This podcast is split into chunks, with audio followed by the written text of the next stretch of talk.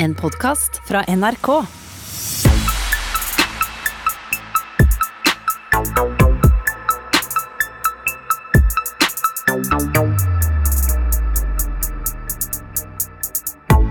Vi er en gruppe som er stigmatiserte, og det provoserer meg noe jævlig.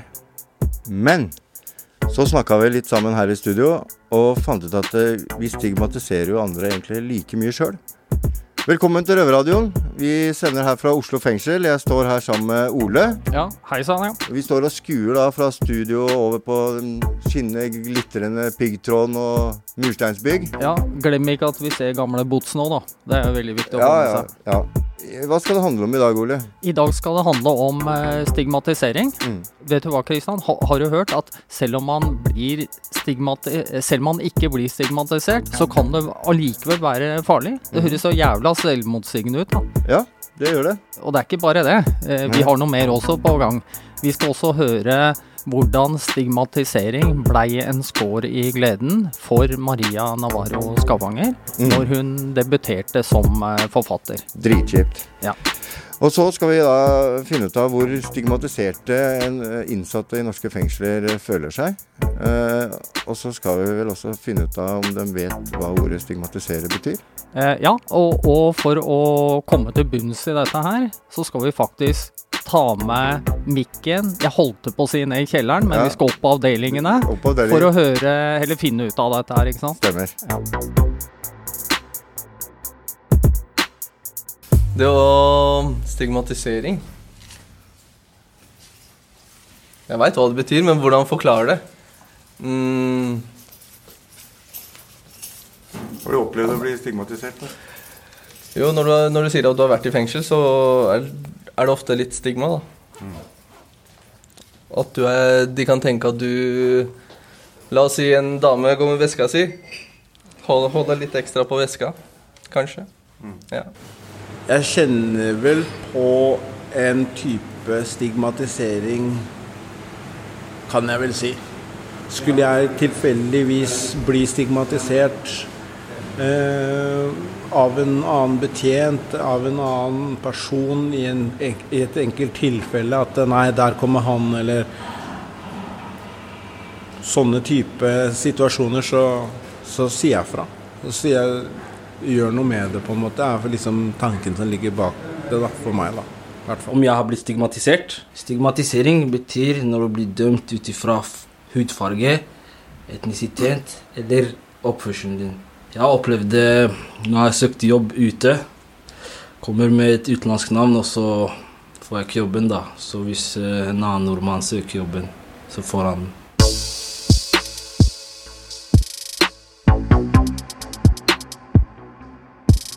Det var noen av synspunkter fra gutta på vår eh, avdeling. Ja. Og nå som vi vet litt om hva menn eh, tenker og føler om det å bli stigmatisert, så tenker jeg vi lurer litt på hvordan kvinnene har det. Så vi setter over til Bredtvet eh, kvinnefengsel. Det gjør vi. Du, Tina. Ja, Maiken? Vi har fått et spørsmål her. Mm. Har du noen gang blitt stigmatisert? Ja, det vil jeg vel påstå. Jeg har kjent meg ganske stigmatisert opp gjennom nesten hele livet. Ja. Og for hva slags ting da? Nei, først og fremst eh, for å vokse opp i et litt annerledes hjem. Eh, så seinere, som rusmisbruker, blir man jo fryktelig stigmatisert. Og nå, ikke minst, som kvinnelig forbryter, straffa, straffedømt kvinne, blir man i hvert fall stigmatisert. Og da spesielt med voldsdom, tror jeg. For kvinner Ja. skal jo liksom være omsorgsfulle og gode og snille og sånn. Skal ikke ha voldskapital. Hos gutta det- er jo det godkjent. Ja, der er, det er nok en stor forskjell. Åssen er det med det? Er du åpen om at du sitter inne? Ja, jeg er det i den grad noen eh, spør. Men jeg har jo lykkeligvis, kan man si, ikke noe familie igjen i livet og sånt noe, egentlig, som, som jeg er nødt til å stå til ansvar for. Men jeg veit jo om mange andre jenter her som, eh, som skjuler dommen sin for eh, så vel familie som venner. Ja, jeg har jo opplevd, eh, nesten ikke jeg engang, men altså venner av meg, som har opplevd at felles venner har, har på en måte brutt med dem også etter at jeg ble dømt. Altså ikke bare, ikke bare brutt med meg pga. det jeg har gjort, men, men en sånn der slags guilt by association. Ja, ja. og det må jeg jo si at jeg Ja, det ble jeg litt ganske overraska Ja, det skjønner jeg godt. Altså, så stigmatiseringa strekker seg videre også, altså, Nemlig. til venner. Ja. Det er jo tragisk. Ja, og, og ganske sånn eh, Særlig fordi at det er mye folk som, som jeg tror har en slags, slags selvbilde av å være på en måte litt sånn liberale, empatiske mennesker. Ja, Det kan man godt være så lenge det er i teorien. Det øyeblikket det er opp til praksis, så pleier den empatien å vise seg litt uh, forsvinnende. Ja, Ja, nei, det er kanskje noen forskjell på liv og lære. det sånt, vil jeg tro. Ja. Men hva gjør det egentlig å bli stigmatisert? Jeg har jo opplevd det å be om hjelp og fra flere steder i systemet og bli avvist med begrunnelsen av at jeg ikke trenger det, for jeg er så ressurssterk. Sånn at de trodde jo ikke på meg. Ikke sant? At jeg trengte den type hjelp som jeg ba om. Eh, og ja. Nei. Altså, det er litt annen problematikk enn det jeg har opplevd. Jeg kan i hvert fall si det at den stigmatiseringa jeg har kjent på, har ført til eh, enda større utenforskap og i stor grad ensomhet. Det er det jeg personlig har kjent på kroppen. Um, og det vil jeg tro ikke er unikt for meg. Nei, sannsynligvis ikke. Jeg tenker jo på sånn fra Altså, når man opp, vokser opp ikke sant? Med, med stigmatisering, altså folk som ikke forventer noe, eller at de forventer negative ting fordi at man har en bakgrunn, eller man har en bagasje, eller man har en eh, språkkompetanse eller mangler, eh, så, så man, altså får man masse andre ting tillagt seg, liksom. Ja, så avslutningsvis så kan jeg vel mene det at em, stigmatisering kan føle til at veien ut ø, til et liv uten kriminalitet kan bli enda lengre. Ja, nei, jeg er enig. Takk, Tina. Takk, Maiken. Ja, jeg sier takk sjøl, jeg. Så klapper vi litt. Igjen. Ja, ja, det gjør Ja. vi. Eh, fordi nå fikk jeg opp øya litt igjen her, for jeg står jo og stigmatiserer som faen sjøl. Eh, jeg tenker sånn Hadde jeg truffet en dame ute som sier hun har sittet i fengsel for vold og sånn, så hadde jeg tenkt at hun, hun dama der, hun er klin gæren. Ja. Og så kanskje jeg hadde tenkt meg om litt igjen før jeg hadde fortsatt kontakten. da. Ja da. For Men det, da av de dømmer man jo litt, da. Ja, jo da, men, eh, men eh, på den annen side, altså det første som kommer opp i mitt hode, er jo psykopat, da. Ja, Og da, da stigmatiserer du. Ja, ja, ja men Så- jeg er jo kongen av stigmatisering, så Jo. det er jo helt naturlig for meg, da. Ja, ikke sant? Ja, sånn er det jo for mange. Men så blir man kjent med personen, og så tenker man kanskje faen Man merker jo ikke at hun har sittet inne. Nei, vi Men, må eh, ta oss litt i øra. Men ja. uansett, vi skal videre i sendinga, og vi skal holde oss på et bredt bed. Det skal vi. Og nå skal vi høre om forfatter Maria Navarro, Navarro. Skaranger, tenker Skaranger, du på? ja. Ja, Skaranger, ja. og hennes opplevelse av å bli stigmatisert. Innsatte i norske fengsler lager radio. Du hører Røverradioen i NRK P2. Ja, det er veldig reduserende. Selv om det ikke er ment reduserende, så er det også, Det er reduserende fordi du blir satt inn i en bås og da sett ned på, og så er det reduserende fordi du på en måte blir nødt til å bevise noe annet, da. Som en del av Groruddalen litteraturfestival høsten 2020 ble det arrangert bokbad i kirka her på Bredtvet kvinnefengsel. Tidligere i år kunne du høre den første delen av dette arrangementet med forfatteren Maria Kjos Fonn her på Røverradioen. Men vi fikk prata med en forfatter til, nemlig Maria Navarro Skaranger, som du hørte innledningsvis her nå. Jeg har skrevet Det er to år siden nå, men jeg har skrevet en roman som heter 'Bok om sorg fortellingen om Nils i skogen'. Bokdebuten min fra 2015 er også en roman. Eh, Den heter 'Alle utlendinger har lukka gardiner', og den handler om en jente som vokser opp på Romsås, og hennes hverdag eh, hjemme og på skolen. Eh, og så er den skrevet på slang. På liksom Romsås-slang. Og det var det boka fikk mest oppmerksomhet for. At den ble skrevet på såkalt kebabnorsk. Maria Navarro Skaranger vokste opp på Romsås, et par T-banestopp øst for Bredtvet. Jeg tar jo ofte utgangspunkt i det jeg kjenner selv. Da. Og det jeg kjenner selv, er jo på en måte Romsås og de områdene rundt der. Men jeg, når jeg skriver, så ser jeg alltid for meg at de bor i en eller annen type blokk som ligner på den blokka jeg vokste opp i selv. Det bare er så sterkt det minnet jeg har av å liksom gå opp alle trappene og sånt. Eh, Jeg aner ikke hvordan jeg skulle skrevet om å bo i en, et hus. Etter lanseringa dukka boka opp i media stadig vekk. Men det var ikke nødvendigvis det litterære de ville snakke om. Jeg har et annet intervju hvor jeg er ikke med, men det er en anmelder som er med, som har med boka mi. Og da spør de hva er kebabnorsk? Og da svarer hun det er jo sånn de snakker i kebabsjappene. Maria ble en slags ufrivillig representant for gettoen. I nesten alle intervjuer og omtale av boka var det språket det ble snakka om. Og vi i Røverradioen er jo knapt noe bedre sjøl. Bokbadet dreide seg om nyeste romanen 'Bok om sorg', fortellingen om Nils i skogen. Men da vi prata med henne etterpå, var det reaksjonene på den første boka vi ville prate om. Så det det er alltid sånn når NRK kommer og så De må liksom forklare det så veldig, da. Eller sånn lage sånn Så må de spørre noen ungdommer fra Stovner, og så Uff. Jeg vet at det er ment godt, men det er jo irriterende på den måten at eh, folk de veit jo ikke hva de snakker om. Da. De har ikke noe språk for det, så du må på en måte ta en sånn herre støyt. Hvor du bare får masse dumme spørsmål, og så lærer folk litt underveis.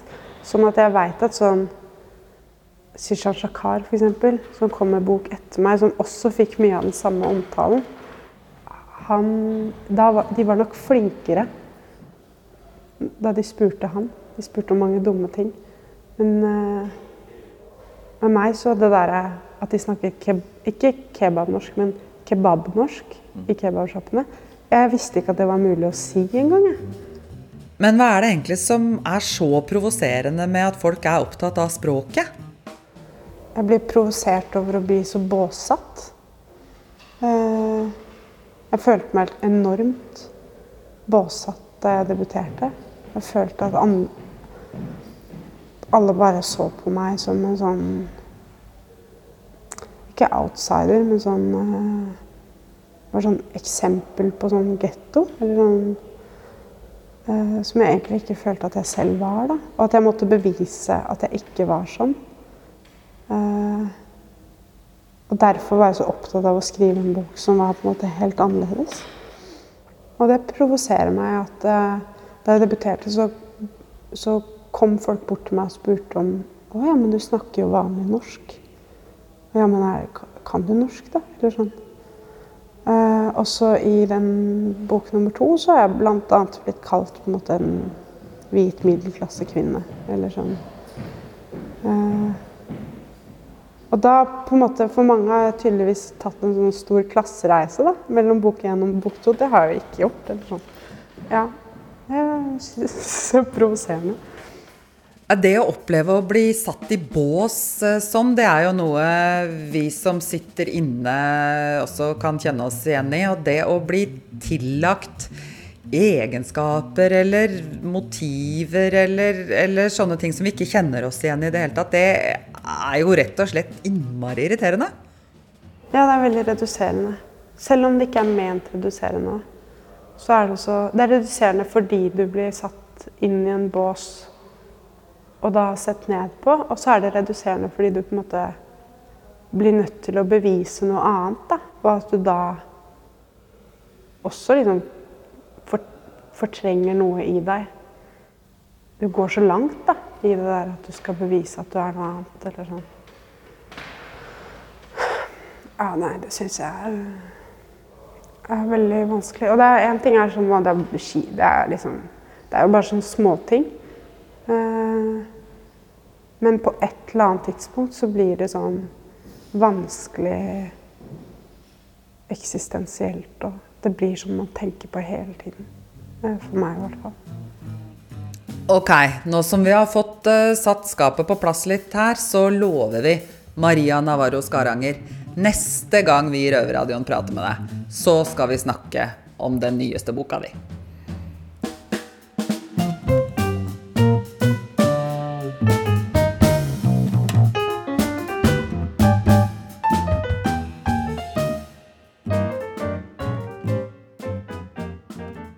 Vi skal eh, bevege oss til Indre Østfold, eh, nærmere bestemt Mysen og Eidsberg fengsel. Yes, og der skal vi høre fra våre unge røvere, og høre om dem eh, føler seg forhåndsdømt eller brennmerka. Det hørtes da voldsomt ut. Er brennmerka. Hvor du har fått det fra, Ja, ja, nei, jeg bare leste definisjonen på, på stigmatisering på nettet i stad. Aha, ok. Yes, da skal vi høre hva de gutta har å si. Det skal vi. Vær så god, Eidsberg. Ja, gutta. Alle vi som sitter her, har blitt dømt. Og vi har jo også blitt eh, forhåndsdømt. Ja. Og vi sitter her i Eidsberg fengsel. Jeg har Tito med meg på min høyre side og Daniel på venstre. Oui, oui, oui. Har dere opplevd at dere har blitt stigmatisert? Ja, man blir jo stigmatisert av betjenter osv. De Ikke sant? Ja, ja. har jo et inntrykk av oss før de en gang kjenner oss. Så. ja. Men eh, hva med ute i samfunnet, da? Ja, du har jo rasisme og litt i forhold til hvor man er fra, hvor man vokser opp. Mm. Så er det en del stigmatisering der òg. Spesifikt hvilket område du er fra, om det, er, eh, om det skjer noe kriminal der, eh, nei, kriminalitet, da. Så er alle kriminelle. Det Kanskje det er på tide med kommunale boliger oppå Holmenkollen. Ja, det, det, det hadde vært noe. Det, ja, det, er- det er på tide. Den, den utsikten mot eh, Oslo. Føler du at den stigmatiseringen har gjort deg til den du er i dag? Hva med deg, Daniel? Mm. Har du noe Nei, ja, på en, til en viss grad så har vi på en måte der jeg vokste opp og sånn, så har det alltid vært på en måte Det har vært mye politi, da. Og det har vært veldig mye sånn fokus på Eller de begynte De plag, starta å plage oss tidlig, liksom. Sånn Mm. 13-14-årsalderen. Og Ja. mente at vi gjorde mye rart som Kanskje noe vi gjorde, noe vi gjorde ikke, men uh, du får jo til slutt en sånn følelse at I hvert fall i forhold til politi, da. Når de allerede mener at du kommer til å gjøre sånne ting, så det er kanskje en liten katalysator for å få deg til å gjøre ting, da. Men før i tida så var det litt annerledes, faktisk. Når vi var yngre, så bare sånn Hver gang politiet kom, så var det som de kasta deg opp til veggen og ransaka deg, og, da var det snakk om vi var under 15 år, liksom. Og det var alltid sånn full sjekk og hvor skal dere og hele pakka, liksom. Og til slutt Du er jo eldre enn meg, så, men eh, jeg, jeg mener det fortsatt er sånn. Altså. Det er sikkert sånn mange steder, eh, ja, ja. Nå det er enda verre. Det er eh, Det er klær kle av deg, liksom. Det er, det er ydmykelse. Altså, at De liker de, å ha ja. den kontrollen liksom over mennesker, da, føler jeg. Når det gjelder eh, stigmatisering på andre steder, da, som utesteder, eh, kanskje fine restauranter folk ser rart og sånne ting, har dere følt det, eller? Jeg har kanskje følt det mer på f.eks. eh, på Tøyen, da, hvis vi skal gå og sette oss i eh, den baren eh, på Tøyen. Mm. Det er mer sånn ja, du drikker ikke øl, hvorfor er du her? Selv om jeg betaler for å kjøpe meg en cola og skal Ja. spille biljard, ikke sant. Men det er, Det er liksom- man, det er, det er eh, Det er på For eksempel i Stena Strøm, faktisk, har jeg følt det til og med. At eh, da jeg betaler med cash Ja, det har jeg faktisk merka sjøl. Hvis du drar fram kontanter nå, så er det plutselig så bare Ja, det stemper folk åpner, med ja, folk åpner øya sine. liksom. åpner, ja. Ja, ja. Det er, Det er mange eh, som liker å ha ting i cash. Ja. Jeg liker Ja. også å ha Jeg liker å ha cash på meg. Jeg føler at det er Mer- mer, kontroll. kontroll, ja, ja, ja, ja. Du veit hvor mye du bruker istedenfor bare å sveipe kortet. Du tenker ikke over hvor mye du drar. Liksom. Ja, ja. Så, Men faktisk en gang jeg var eh, Når vi var i tingretten, Ja. så skulle vi i pausen da Skulle vi gå og spise. Så dro vi til eh, Grand Hotel. mm. Og da var jeg sammen med to advokatene og et par kompiser til som var i retten. da Og når vi satte oss ned der, så var det bare Alle snudde seg rundt. Og bare Sånne gamle kjerringer med pelskåper og Det bare var, var dere her, ja, da? ja. Så etter det så bestemte jeg meg, så var jeg der nesten hver dag. Altså, bare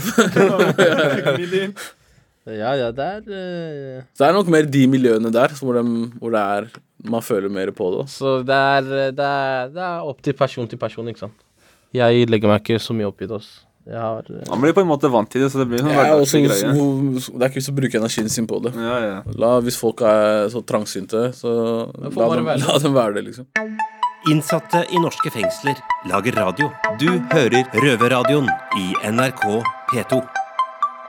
Ja, Ole, det er deilig å slippe ut. Ja da, se fram til den dagen. Mm. Det regner jeg med det gjør for deg òg. Ja, jeg gleder meg. Ja. Men det er jo ikke alle som gjør det. Eh, mange har jo ikke noe å gjøre. Nei, ingen jobb, absolutt ingenting. Ingen bolig. Ja. Nei. Men redningen er nær. Ja, Eh, vi er så heldige å ha noe som heter nettverk etter soning. ja. Og det er hva? Ja, det er jo rett og slett et nettverk du kan få etter soning, da. Som Ja. skal hjelpe deg liksom med det å, det å komme ut av fengselet og være en fri mann. Så, eh, men du vet, eh, det er jo mange som eh, det, det, det, vi egentlig lurer på nå, er jo liksom det med stigmatisering. Da, om, om de føler at de blir stigmatisert da, etter å ha kommet ut av fengsel. Mm, Mange føler nok det at F.eks. de går i butikken og så føler de at alle ser på dem, for de veit jeg sitter inne, eller sitter inne, da. Men det er jo ikke alltid sånn, ikke sant? Nei, nei, nei, nei så, sånn opplever man det. Altså, jeg husker selv en gang jeg var på velferdspermisjon etter å ha sittet inne eller, ja, et par år, faktisk. Og, og man sitter på toget. Men så føler man seg liksom litt sånn utafor det igjen, da, for man er ikke vant til det. Man føler at man liksom alle ser på deg at du, er, du sitter egentlig i fengsel, eller har sittet i fengsel. og Mm. At man får litt sånn Man føler det, da. Ja, ja. Men ikke sant, det, det er jo ikke alltid det er sånn. Nei. Men, men vi får høre, da. Ja. Hva, de, hva de føler der nede. Ja. Og om de opplever noen form for stigmatisering, og om det preger dem nå. Hei, det er den utslupne røver Simen som sitter her med nettverk etter sonings Abdulai Dahir. Velkommen i Røverradioen. Takk, takk. Abdulai, du møter mange som blir løslatt fra fengsel. Kan du si litt om hva jobben din går ut på? Ja, det er Ja, det jobben min går ut på, er det å bistå mennesker som er på vei ut av fengsel, eh, eller har hatt eh, Eller er tidligere straffedømt, eh, tilbake til et vanlig liv.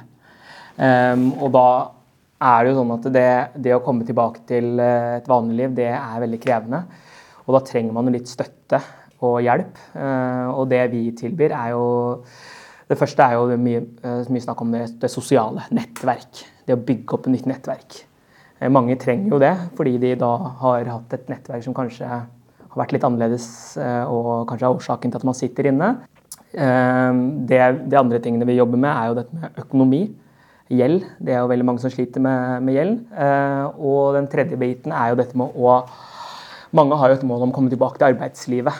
eh, Og ønsker å, å etablere seg på nytt og ønsker å, på en måte, å få seg et eh, vanlig betalt jobb. Og vi vet jo at den veien dit kan være veldig vanskelig.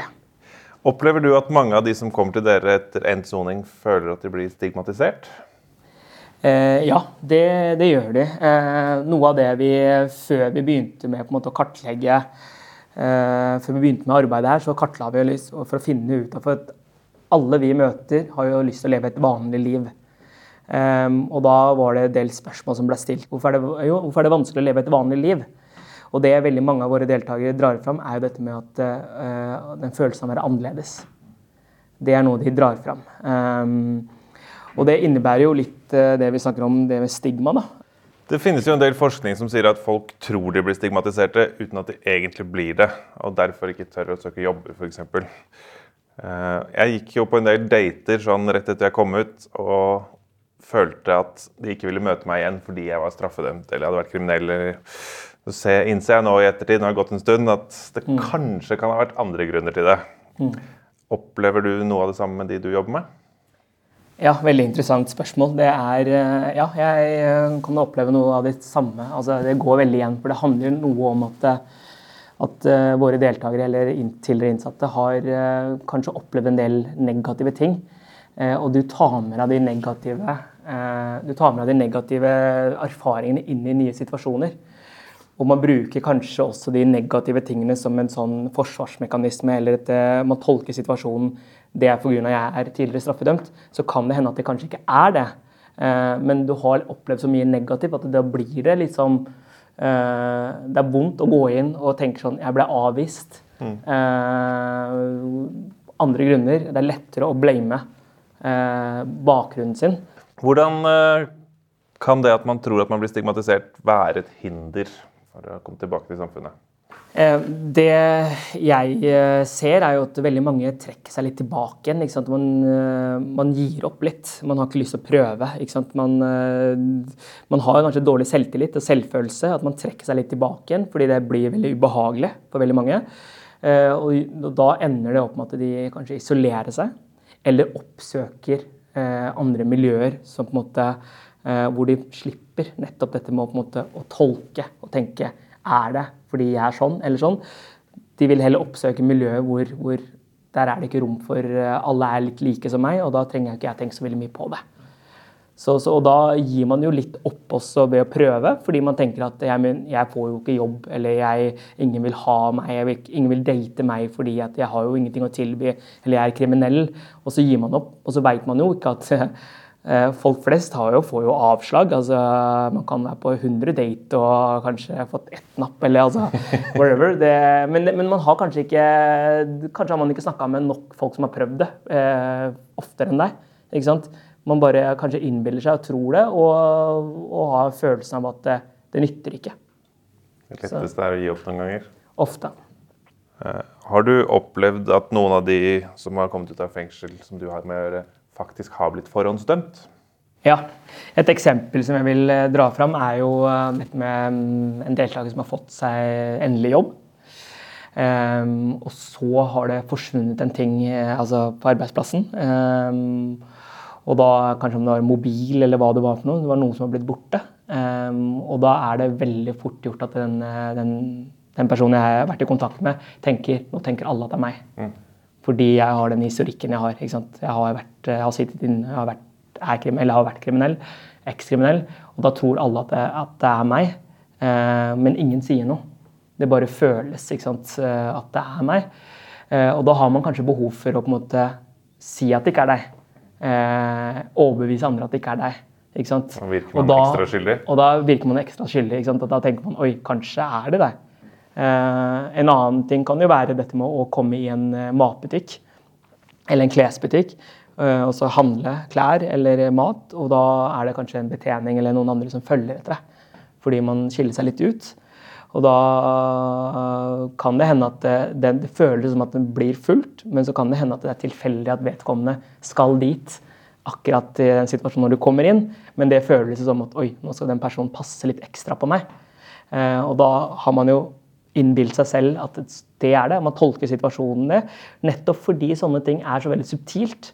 Det er, det er rett og slett bare ting man føler, og så tror man det, og så, og så går man rundt og tenker at eh, nå tror alle at jeg stjeler. Og noen situasjoner så er det noen som sier også at eh, vet du hva, nå tror de at jeg stjeler. Fuck it, jeg gjør det. Jeg stjeler. Bare for å bevise. Ikke sant. Eh, ja. Det er en skikkelig tilbakeføringsfelle. Ja. Jeg kjenner meg igjen i det.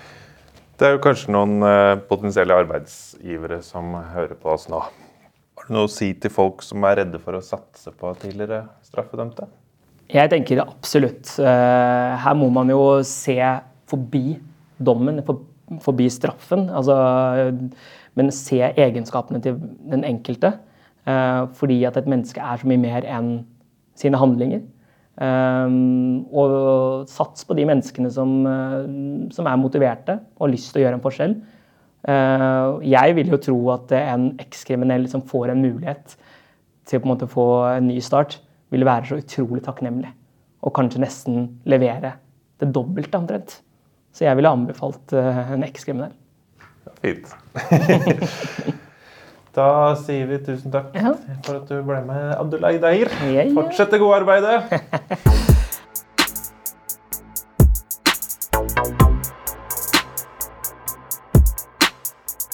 Ja, da nærmer vi oss slutten her, eh, Ole. Ja, det gjør vi. Hvordan eh, opplevelser, eller hva sitter du igjen med etter denne den sendinga her? Jeg sitter igjen med mye, kjenner jeg. Eh, ja. Eh, lært mye og egentlig fått litt selvransakelse på mange måter. Spesielt egenstigmatisering. egen stigmatisering. Kanskje vi skal være enige om at eh, vi bør tenke oss eh, godt om før vi dømmer folk og rett og slett stigmatiserer noen? Ja, jeg er helt enig. Selv om man ikke vil eh, skade noen, så kan det jo skade likevel. Eh, ja, og ikke bare det. Det ligger veldig eh, ubevisst også, tror jeg, Mm. eh, hos mange. da. At man stigmatiserer egentlig uten å faktisk være klar over det. Ja. Hva skal du på cella, Ole? Jeg skal faktisk se på nyheter. Normale nyheter. Normale nyheter, ja. ja. Jeg skal se en film, slappe av kulen helt ned Ja, slapp av. Ikke eh, koke lapskaus som eh, du vanligvis gjør. Det blir det. Det er Ja, det blir det. Ok, Ja. eh, hvor kan du høre oss? Du hører oss på P2 hver søndag halv ni.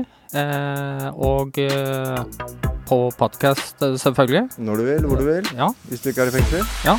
Ha det! Ha det! Røverradioen er laget av innsatte i norske fengsler, tilrettelagt for streitinger av Klynge for NRK. Du har hørt en podkast fra NRK. Hør flere podkaster og din favorittkanal i appen NRK Radio.